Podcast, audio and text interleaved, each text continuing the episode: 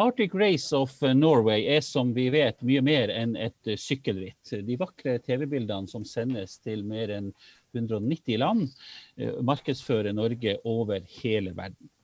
I tillegg så skaper dette sykkelrittet varige ringvirkninger i kommuner, fylker og næringsliv i hele landsdelen vår. Og det har Arctic Race of Norway fått til fordi eh, en samla landsdel har stått bak og gjort det mulig å gjennomføre dette arrangementet. Og nå har Arctic Race eh, tatt initiativet til eh, en rekke samtaler om Nord-Norge. Hvor er vi på vei, og hvordan skal vi løfte denne landsdelen? Og Nå er vi så heldige at vi har med oss både daglig leder i Arctic Race of Norway, Knut Erik Dybdahl, velkommen. Og så har vi med oss eh, utenriksminister Ine Eriksen Søreide. Velkommen til deg, Ine. Tusen takk. Nå er det lenge siden vi har sett deg på disse trakter, Ine. Men gå ut fra at du har Nord-Norge i, i bakhodet i ditt daglige virke likevel? Ja, absolutt. Vi hadde jo en fantastisk eh, framleggelse av nordområdemeldinga i Alta 27.11. Eh, og bortsett fra et ministermøte i Nato i mars, er jo det den siste reisa jeg foretok. Eh, både, både innenlands og utenlands. Og det har vært veldig interessant å, å være med på oppfølginga av nordområdemeldinga også. Vi hadde debatt i Stortinget for litt siden også. Og som du jo godt veit, Skjalg, så er Nord-Norge alltid både i hjertet mitt og i hodet mitt. Ja, du, du, eh, du, skriver jo i denne meldinga at Nord-Norge er det viktigste strategiske Eller nordområdene, da det viktigste strategiske interesseområdet for, for oss som nasjon. Det betyr vel at dere snakker om oss hver dag i departementet? Ja, det er jammen ikke langt unna. Vi hadde jo en veldig både god og langvarig prosess fram til eh, meldinga ble lagt fram. Vi, jo, vi, brukte nesten to år på å reise rundt eh, i landsdelen, snakke med alle mulige aktører for å få et så godt situasjonsbilde som mulig, og innhente så mye kunnskap som mulig, egentlig. Og vi reiste jo også så halve regjeringa sammen med statsministeren i spissen i september i fjor for å få liksom de siste innspillene før vi la fram meldinga. Og det viste seg å være en veldig nyttig reise, fordi en del av de tinga som kom inn eh, mot slutten, ble jo i veldig stor grad eh, eller var jo et veldig, veldig stor grad resultat av den reisa. Eh, og ikke minst knytta til eh, behovet for eh, mer statlig og privat kapital. Sånn at eh, dette fondet som vi lanserte, var jo en direkte konsekvens av samtalene vi hadde da. Du, jeg kan jo ikke unnlate å komme innom, jeg pleier alltid å gjøre det når jeg snakker med deg og minner deg på om at du, du har tilbrakt mange år i Nord-Norge og oppvokst i Tromsø, delvis i alle fall. Eh, hvor, hvor, mye har det prega ditt syn på altså ditt, ditt, politiske arbeid, det at du, du har denne bakgrunnen fra Nord-Norge? Du bodde jo mange år i Tromsø. Jeg tror det har eh, påvirka egentlig på to måter. Det ene er at eh, i motsetning til hva du kan få inntrykk av noen ganger når du hører om og leser om nordområdene, så er det jo en ekstremt livskraftig, skaperrik landsdel. Eh, altså, som du vel sjøl skrev i kommentaren din i Nordlys, eh, meldinga bekrefter at dette ikke er en landsdel på respirator, for å si det sånn. Eh, og det er jo et inntrykk jeg også veldig sterkt ønsker å formidle. Nemlig at det ligger enorme muligheter, både eh, utnytta og uutnytta i, i Nord-Norge.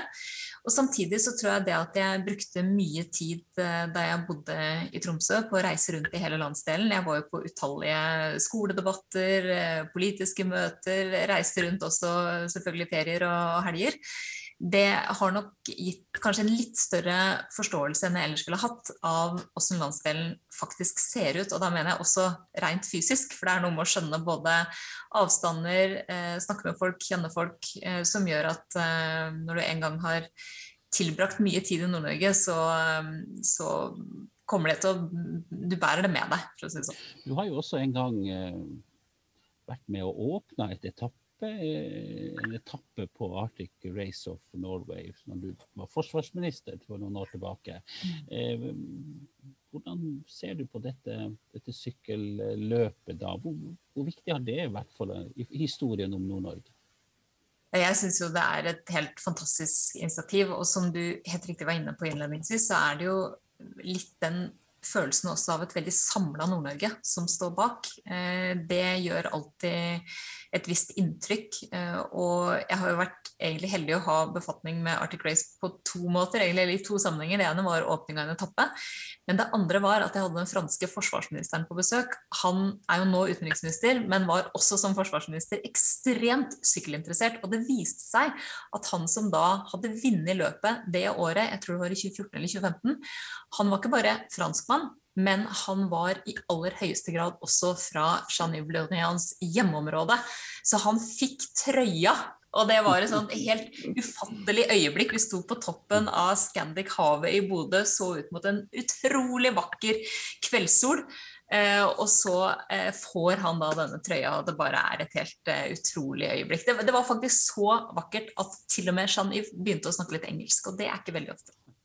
Ja, Knut Erik, hva tenker du om det Ine sier her om, om det betydninga Arctic Race har hatt? Kjenner du deg igjen i den beskrivelsen?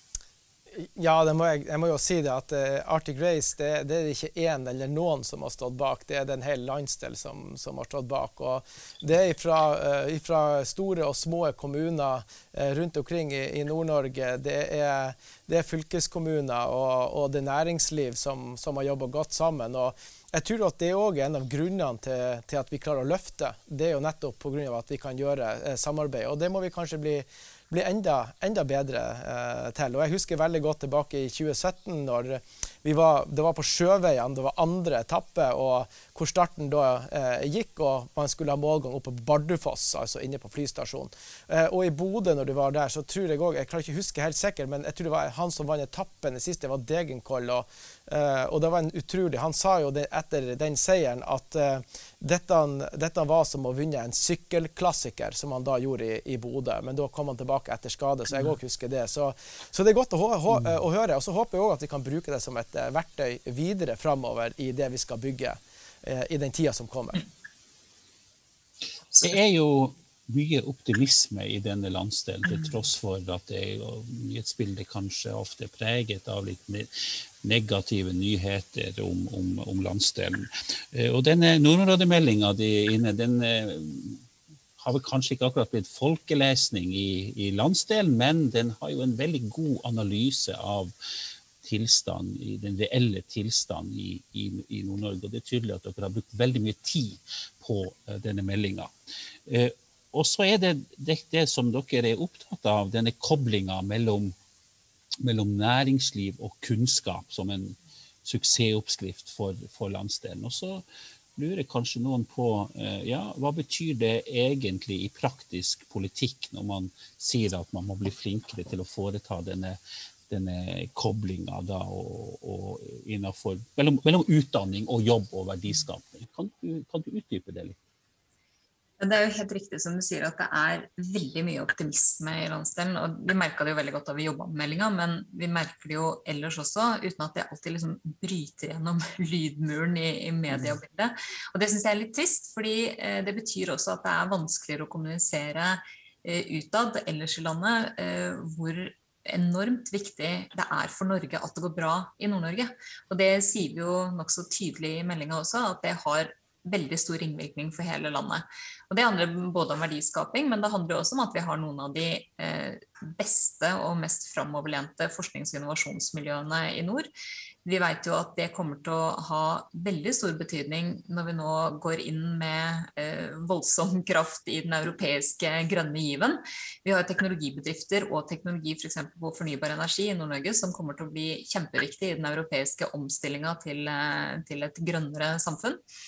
Og nettopp det å liksom koble de elementene er så viktig, og det var et av de kanskje et av de tydeligste innspillene vi fikk fra ungdomspanelet som vi satt med, det var at de er opptatt av A. At de skal kunne ta en utdanning i landsdelen. Og B. At de har en jobb å gå til i landsdelen også. Mm. Og jeg mener at noe av det viktigste vi kan gjøre for å koble de to tingene, det er å skape nye arbeidsplasser i privat sektor. Det kommer til å være kjempeviktig. Det betyr kompetansearbeidsplasser. Det betyr muligheter til å vokse og ekspandere på en god måte. Eh, og jeg tror nok at noe av det vi så veldig tydelig når vi jobba med eh, tanken om et eh, investeringsfond, var jo at det som mange sa ikke var modent til å fungere i 2017, det er nå modent. Fordi det er mer kapital i landsdelen, altså privat kapital. Det er flere prosjekter, det er større risikovilje, men man trenger en, en statlig støtte til det. Så vi kommer jo nå eh, hvert øyeblikk med oppsettet på, på etappe én av det investeringsfondet, og jeg tror at det er én sånn måte å koble sammen utdanning, innovasjon og næringsliv på, eh, som jeg håper skal kunne gi et ganske eh, godt dytt Mm. Ja, Regjeringa stiller med 200 millioner i, revidert budsjett. Og så må nordnorsk næringsliv også stille med, med sin andel 200 millioner i, i, dette investeringsfondet. Og er nordnorsk næringsliv klar til å ta imot den utfordringa, Erik, sånn som du ser det? Ja, altså jeg, jeg, jeg, merker jo at det er en mye større giv nå enn hva det har vært, eh, vært tidligere. Og, og, jeg ser òg at eh, eh, Eh, man er avhengig av å måtte se at det med å samarbeide med hverandre, for det om man av og til er konkurrenter, er med på å løfte totalen. Og, og litt det som, som, som Ine var, var, inne på, det er jo det at uh, hvis vi skal også skape vekst og at vi skal skape bolyst, eh, eller var Dursalg som sa det, så eh, må vi faktisk jobbe mye mer sammen og ikke hver for oss. Og jeg, jeg må jo si at Et av de eksemplene eh, som vi kanskje kan gjøre fra 2019, når vi, når vi bestemte oss for at vi skal bli det første sykkelritt sikkerhet i verden til å kun bruke elektriske biler. For det er jo vi som må skaffe biler til alle lagene, og det er jo 120 biler. Og når du skal lade 120 biler eh, på én plass i Nord-Norge, så, så, er det utfordrende i seg sjøl. Ikke å skaffe bilene, men å skaffe kapasitet på lading. Og da var det sånn at eh, I 2019 så gikk jo da fem kraftselskaper sammen eh, og bygde da eh, infrastruktur, eller ladekapasitet, eh, da til oss da til 46 biler som vi gjorde det første året. Og så skal vi øke nå eh, videre utover. Og det de gjorde når de gikk sammen, de bygde noe og brukte sitt eget nett til å gjøre som at vi kunne lade bilene.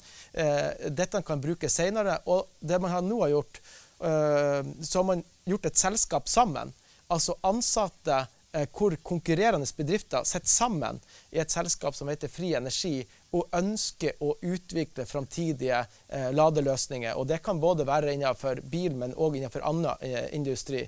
Så det med at de som har vært konkurrenter, nå sitter sammen og utvikler noe sammen, eh, gjør jo bare for en større kraft til å kunne gjøre, eh, gjøre, gjøre noe, og kunne utvikle noe som kanskje vi kan selge eller eksportere ut av landsdelen òg i tillegg. Og ikke minst òg skape da rom for de som både utdanner seg, og de som ønsker å være igjen, eh, har en mulighet til å kunne bo i landsdelen.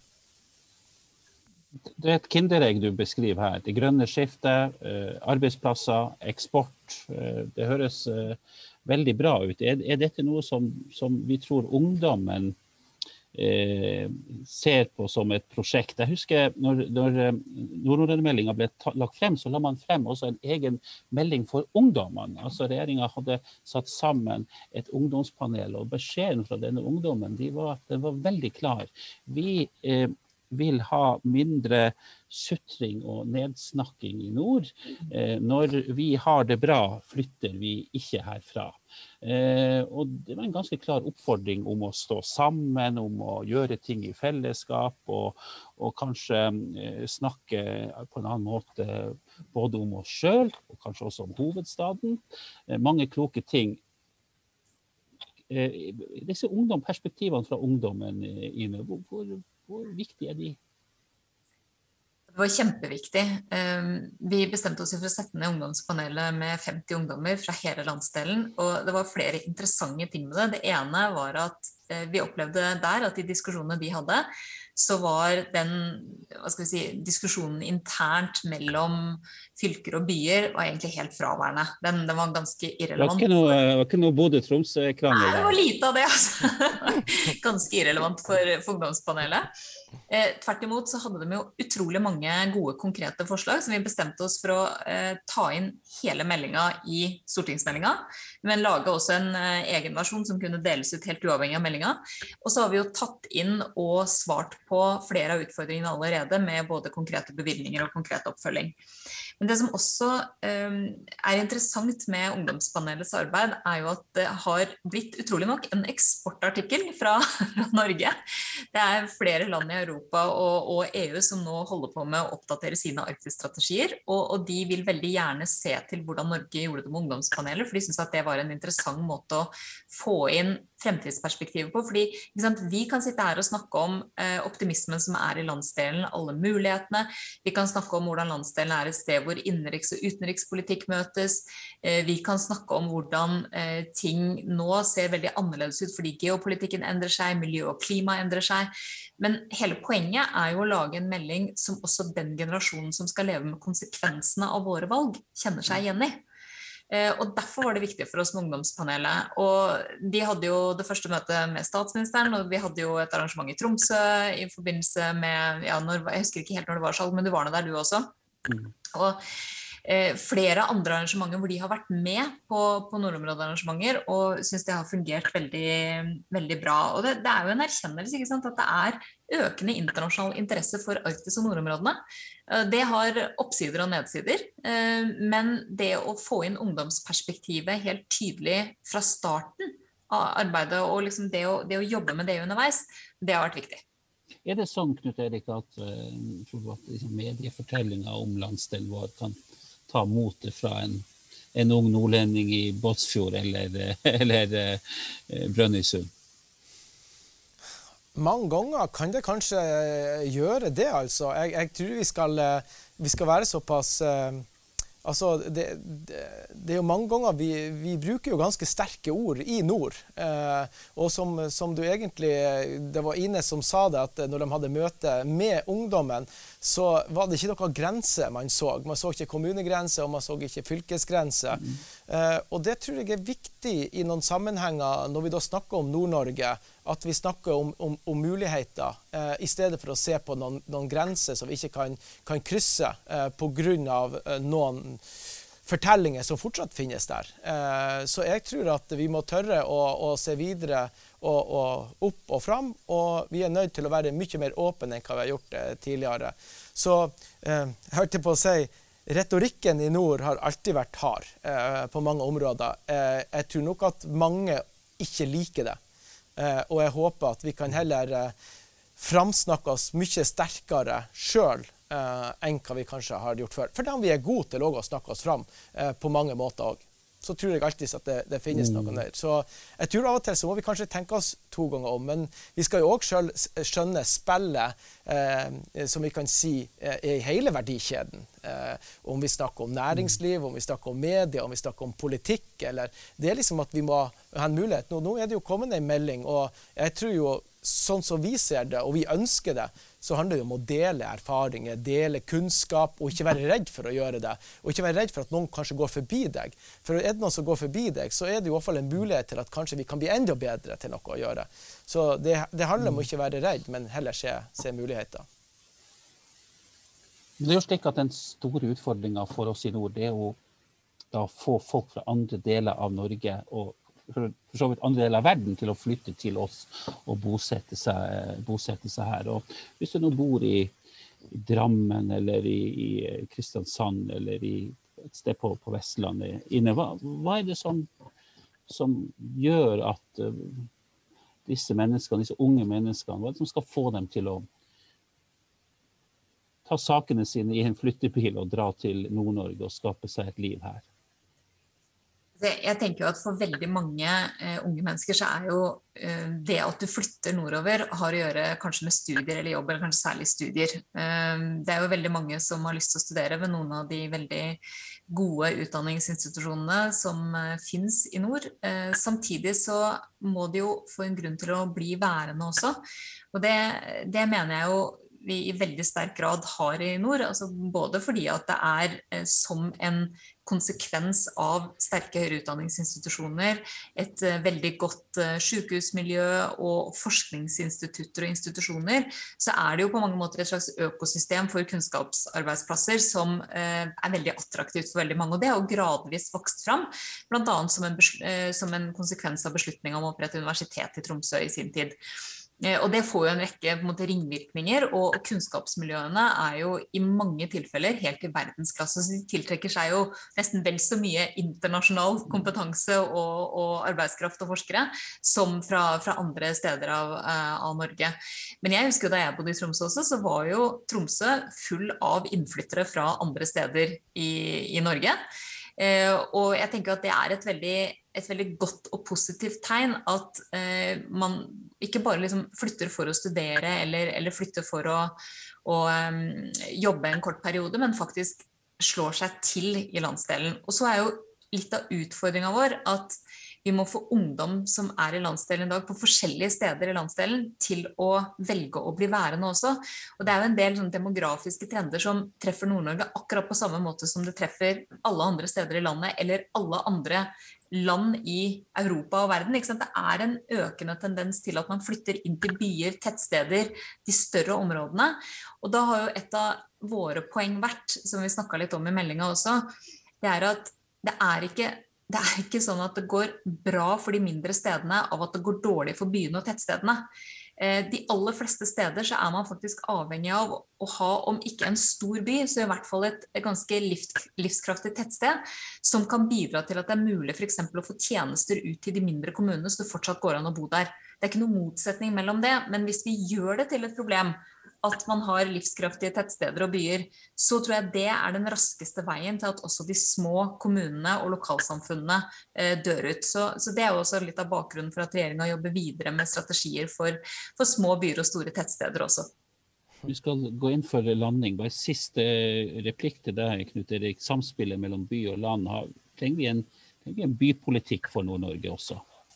Eh, absolutt. Og jeg, tror, jeg, må si at jeg er veldig enig med det, det, det Ine sier. Jeg, vi er avhengig av sterke byer. Og med sterke byer så klarer vi òg å, å, å, skape større distrikt, eller sterkere distrikt, eller de som bor utenfor byene. Så vi er, vi er, egentlig avhengige av hverandre, så vi må passe på at vi ikke, vi ikke snakker hverandre ned heller. Og, og, det tror jeg er viktig å få fram. Og så må vi jo bare passe på salget, at vi ikke skremmer folk heller når de først er kommet. Eh, at vi er med på å lage et, eh, en grobunn for, for et godt samarbeid. Og så ønsker jeg bare avslutningsvis fra min side å bare si at det, eh, jeg har fått en medarbeider som eh, har flytta fra Paris eh, og kommet til Harstad. Han, når han skulle da velge å flytte så, og ta familien sin med oppover, så sa han jeg bør vel egentlig bo i Tromsø. Eh, så tenkte jeg ja, men når man kommer fra Paris og man da bor i Tromsø eller Harstad, så vet jeg ikke om forskjellen er så veldig stor. Eh, og de stortrives her, har kjøpt hus, eh, bor her, er glad for de har bodd her under pandemien og ønsker å kunne rekruttere enda flere fra sitt land og kunne komme nordover. Så vi må ikke være redd for, for noen kan distriktet passe bra for, og for andre kan byene passe bra for. Så jeg tror vi må bare sørge for at eh, vi viser dem at eh, vi ønsker å ta imot dem eh, og gjøre det beste ut av det for å få dem til å kunne da bli. Harstad er jo et godt valg, da. Det må sies.